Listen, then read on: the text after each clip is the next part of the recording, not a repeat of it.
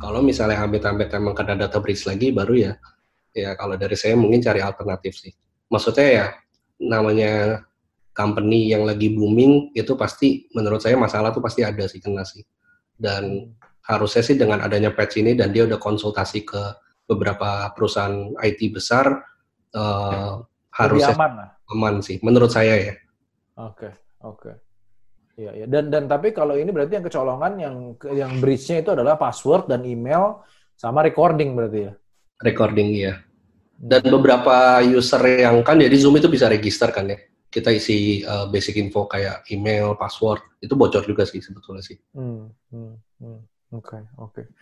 Uh, oke, okay, thank you Pak. Uh, mungkin kita masuk ke bagian yang ketiga nih Pak. Um, pasti kan banyak teman-teman yang memang sekarang lagi work from home ini Um, ada tips nggak sih Pak, misalnya gimana caranya um, ketika work from home kan, Marcel kan juga udah, udah cukup lama kan work from home atau sering remote working juga. Um, ada tips nggak sih nah, secara umum gitu, apa sih yang bisa bantuin teman-teman mungkin bisa lebih produktif ketika nantinya uh, work from home? Uh, berarti bukan dari aspek teknologi aja ya, maksudnya? Umum aja, umum. Kan dari seorang yang berpengalaman sebelumnya gitu. Uh, mungkin kalau saya ya ngerasanya ya, uh, dan juga ada beberapa temen yang mungkin baru ngerasain work from home dan uh, ada culture shocknya lah ya. Hmm. Kalau saya sih ngerasa uh, satu kalau work from home kita sebisa mungkin tuh um, tetap bersikap profesional aja sih. Kayak contohnya tadi yang saya bilang gitu. Sebetulnya kalau work from home emang itu kan waktunya kan kita yang ngatur sendiri kan. Artinya nggak ada imbau nggak ada keharusan harus tetap bangun uh, harus datang jam 8 atau apa gitu. Tapi kalau saya ngerasanya um, kita tetap harus disiplin sih. Namanya kalau udah kebiasaan kerja bangun uh, untuk mulai jam 9 misalnya, ya kita tetap sebisa mungkin disiplin aja gitu. Mulainya dari pagi gitu. Hmm. Karena ya kalau saya dulu ngerasanya kalau tunda-tunda ya ujung-ujungnya sih ya pasti ya tidur. Jadi ya tidur terus sih nggak Dan juga kadang-kadang kalau dulu awal-awal saya work from home ya, itu tuh benar-benar kayak nggak teratur banget sih. Artinya ya bangun suka-suka kerja suka-suka terus uh, ya mau berhenti apa pun mau makan mau main sama anak atau apa pun itu suka-suka gitu jadinya. Dan kalau saya bandingin waktu itu saya pernah bandingin sih sebetulnya sih. Maksudnya di mindset kita kan sebenarnya seperti ini kan kalau work from home. Artinya ya anyway kerjaan udah pasti beres gitu. Ya suka-suka kita lah ngatur waktunya kan. Hmm. kita kan rata-rata mikirnya gitu kan. Tapi waktu itu saya pernah compare sih sebetulnya sih uh, dari yang nggak ada schedule, yang benar-benar saya suka-suka, dan juga ada schedule gitu. Itu rata-rata pasti sih. Namanya disiplin atau yang ada schedule tuh pasti jauh lebih produktif sih sebetulnya sih. Walaupun kita yang ada schedule, yang ada schedule lebih jauh. Yang ada schedule pasti lebih produktif sih. Soalnya kan rata-rata kita kalau nggak ada schedule pasti mikirnya kayak ya udahlah gue bangun siang aja gitu, bangun makan siang anyway tidurnya malam kan. Sebetulnya kayak gitu kan di pikiran orang-orang. Tapi rata-rata tuh pasti enggak sih. Kenyataannya adalah kalau kita udah schedulein nih misalnya uh, pokoknya jam 9 harus kerja ya udah jam 12 makan siang uh, whatever gitu. Main sama anak whatever sejam jam satu. Habis itu kita lanjut kerja lagi sampai mungkin jam 6 atau jam 7 itu rata-rata pasti lebih produktif sih. Hmm. itu satu jadi schedule itu penting. Kedua ya mungkin um, tergantung kondisi di rumah masing-masing sih. Mungkin ada yang baru punya uh, baby kayak kita. Ada yang uh, anaknya tiga teman saya ada yang anaknya tiga um, ya gitu-gitu sih macam-macam. Jadi uh, tapi tetap uh, mau kondisi apa pun ya saya ngerasanya sebisa mungkin tetap kasih boundaries sih ke terutama anak kita ya. Kalau ke istri kan pasti lebih bisa bisa lebih ngerti ya. Ke anak ya maksudnya kita kasih tahu aja gitu. Maksudnya ya walaupun um, kita lagi di rumah tapi tolong ngerti ya kita lagi kerja gitu tolong jangan diganggu nanti ada waktunya sendiri untuk kita main gitu. Ya kita kasih pengertian sih emang pasti awal-awal susah. Nah, namanya mereka ngeliat oh kita kok ada di rumah terus pikirannya kan libur kan. Tapi hmm. ya nggak bisa gitu sih soalnya ya ya banyak kan cerita-cerita lucu kan kalau lagi meeting online tiba-tiba masuk. muncul. Atau minta apalah minta apa pun itu. Tapi sebenarnya emang dalam kondisi kayak gini sih pasti semua orang maklumin sih. Tapi sedikit banyak tuh pasti ya bisa dibilang ya produktivitas kita tuh berkurang sih. Saya ngerasanya sih gitu. Jadi ya ada baiknya kita ya pasang boundaries sih ke keluarga kita. Maksudnya ya hmm. walaupun kita kerja dari rumah itu bukan artinya libur. Kita tetap dibayar, kita punya tanggung jawab. ya ada baiknya sih tetap kasih boundaries sih. Hmm, hmm, hmm. Jadi kalau dari saya nangkep pertama uh, profesional tetap tetap harus uh, bangun sesuai ini masuk seperti biasa kerja juga tetap ini produktif. Terus yang kedua punya schedule, yang ketiga juga kasih komunikasi ke boundaries ke teman ke keluarga bahwa memang kita lagi kerja bukan bukan libur nih ya gitu. Iya. Dan nah, juga uh, mungkin ini sih, um, saya nggak tahu ini tergantung dari uh, workload masing-masing ya. Hmm. Tapi kalau saya ngerasanya jujur aja dari uh, mungkin tiga minggu terakhir ya, hmm. uh, dari sisi kondisi kayak gini lah ya, maksudnya workload tuh kalau saya sih ngerasanya agak berkurang ya. ya. Artinya apa? Kayak dari customer saya juga baru terapin work from home, masih pada culture shock, artinya diajak meeting pun jadi mungkin lebih susah atau apa pun itu gitu.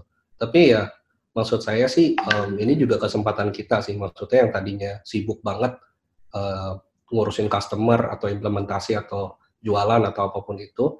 Nah kita sebisa mungkin kalau udah ada schedule-nya di jam kantor kalau ada hmm, waktu bebas lah ya atau free time-nya.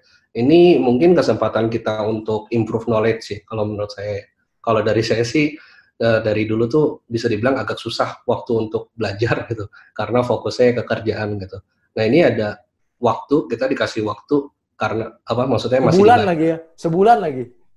Iya, maksudnya um, tergantung balik lagi tergantung workload masing-masing ya. Tapi saya yakin sih ada beberapa yang ngalamin kayak saya gitu. Maksudnya workloadnya agak berkurang ya tapi jangan kita jadi malas-malesan gitu. Maksudnya ini waktu kita yang tepat untuk uh, improve knowledge sih. Artinya kita manfaatkan waktu sebaik-baiknya once kondisi kondisi ini udah ya bisa dibilang berakhir ya uh, atau mungkin udah at least udah nggak balik ke normal lah tapi mungkin udah nggak work from home lagi ya kita udah lebih ya bisa dibilang lebih ready sih maksudnya untuk ngadepin uh, kondisi apa pun gitu. Oke, okay, oke. Okay. Kalau dari sisi IT Pak, dari teknologi, aplikasi atau apa, ada nggak sih Pak yang bisa bantuin teman-teman supaya bisa work from home-nya lebih efektif gitu Pak? Kan kita tadi udah sempat bahas bahwa meeting meeting pakai pakai Zoom misalnya atau pakai Google Hangout atau pakai Skype for Business. Ada lagi nggak sih tools-tools yang memang bisa bantuin teman-teman? Uh, mungkin um, mungkin aku bagi dua kali ya kalau dari tools ya. Kalau nomor satu itu kan pasti related ke remote access ya. Hmm. Remote access artinya kita harus punya akses ke uh, aplikasi kantor atau uh, apa pun environment kantor ya. Kalau itu kan biasanya rata-rata orang pakai yang tadi saya bilang VPN atau VDI gitu. Kedua uh, karena ini maksudnya um, remotely ya, artinya kita nggak langsung face to face sama bos kita atau anak buah kita atau kolega kita, artinya kan komunikasi makin kritikal kan maksudnya. Jadi mungkin uh, instead of pakai uh, communication tools biasa, contohnya communication tools biasa tuh ya email, terus mungkin telepon, WhatsApp, whatever, itu mungkin bisa mulai consider pakai collaboration tools sih. Hmm. Collaboration tools tuh uh, mungkin kalau Renat pernah dengar namanya kayak Slack misalnya, atau mungkin Zoho punya Google. Yeah, yeah. Itu tuh artinya uh, di sebenarnya uh, sekilas kelihatannya mirip sih. Maksudnya dia buat komunikasi sih.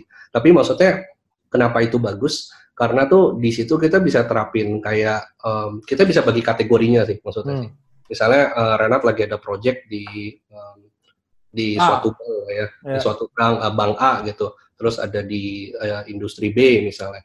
Nah di situ tuh kita bisa sebagai manajemen atau lead kita bisa terapin kategori-kategorinya dan kita bisa nge-track progresnya sih di situ sih. Hmm. Di mana maksudnya kadang-kadang kalau komunikasi kan bisa miskom ya.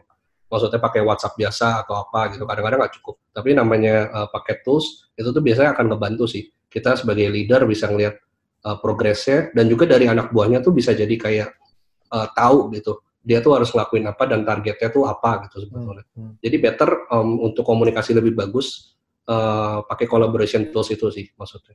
Hmm. Kalau dari VPN sendiri tadi kan Marcel sempat mention ngomongin terkait VPN yang di di internet yang gratisan-gratisan, yang which saya juga pakai. Um, itu jangan dipakai berarti pak? Uh, Uh, ya kalau bisa sih jangan sih itu sih. Oh, karena beresiko ya. Karena gini sih, bayangannya gini aja sih. Um, kita kalau beli software VPN ya, software VPN itu biasanya kan kita harus install sesuatu di server kita lah ya, di Betul. internal network kantor kita. Artinya apa? Yang punya tuh VPN tuh kita gitu, yang punya yang tahu keluar masuk traffic tuh kita kan atau admin kita lah ya admin IT kita gitu nggak keluar ke mana-mana lagi gitu tapi kalau yang udah download dari Play Store VPN itu artinya itu kan punya vendor tersebut kan maksudnya kan hmm, hmm, hmm. artinya dia yang tahu keluar masuknya kita sesaat ya. betul betul dan dia tuh siapa gitu dia tuh kan hmm, ya benar-benar terparty vendor kan maksudnya nggak ada hubungan bisnis sama kita gitu bisa dibilang. Jadi ya kita sebenarnya jujur aja nggak tahu datanya tuh sebenarnya diapain sih, hmm. kayak gitu sih. Dan emang ada indikasi-indikasi di mana emang VPN tersebut tuh hmm, um, menyalahgunakan data sih. Ada yang bilang kayak gitu, tapi belum ada buktinya sebetulnya. Berarti yes. kalau kalau VPN pun belinya yang eh, kalau walaupun yang di Play Store kan ada yang berbayar juga tuh pak, itu juga nggak nggak direkomend. Uh, ada beberapa sih oke okay sebetulnya pak, maksudnya um, tergantung case by case sih, tapi saran saya sih tolong highlight ke user-usernya. Uh, maksudnya balik lagi sih kayak yang saya bilang, teknologi yang dipakai oleh user untuk kepentingan kantor itu semua tuh harus dari arahan IT yang memanajemen sih kalau menurut hmm, saya. Hmm. Jangan sampai mereka berkreasi sendiri, tapi karena limited knowledge-nya, jadinya ya bisa membahayakan kantor gitu. Ada baiknya kalau misalnya um, butuh tools-tools seperti itu, itu diinisiat dari IT sama manajemennya sih. Karena IT sama manajemennya harusnya pun ya mestinya lebih tahu lah ya, maksudnya tools-tools mana yang lebih um, yang lebih aman dipakai dan bagus dan price friendly gitu misalnya.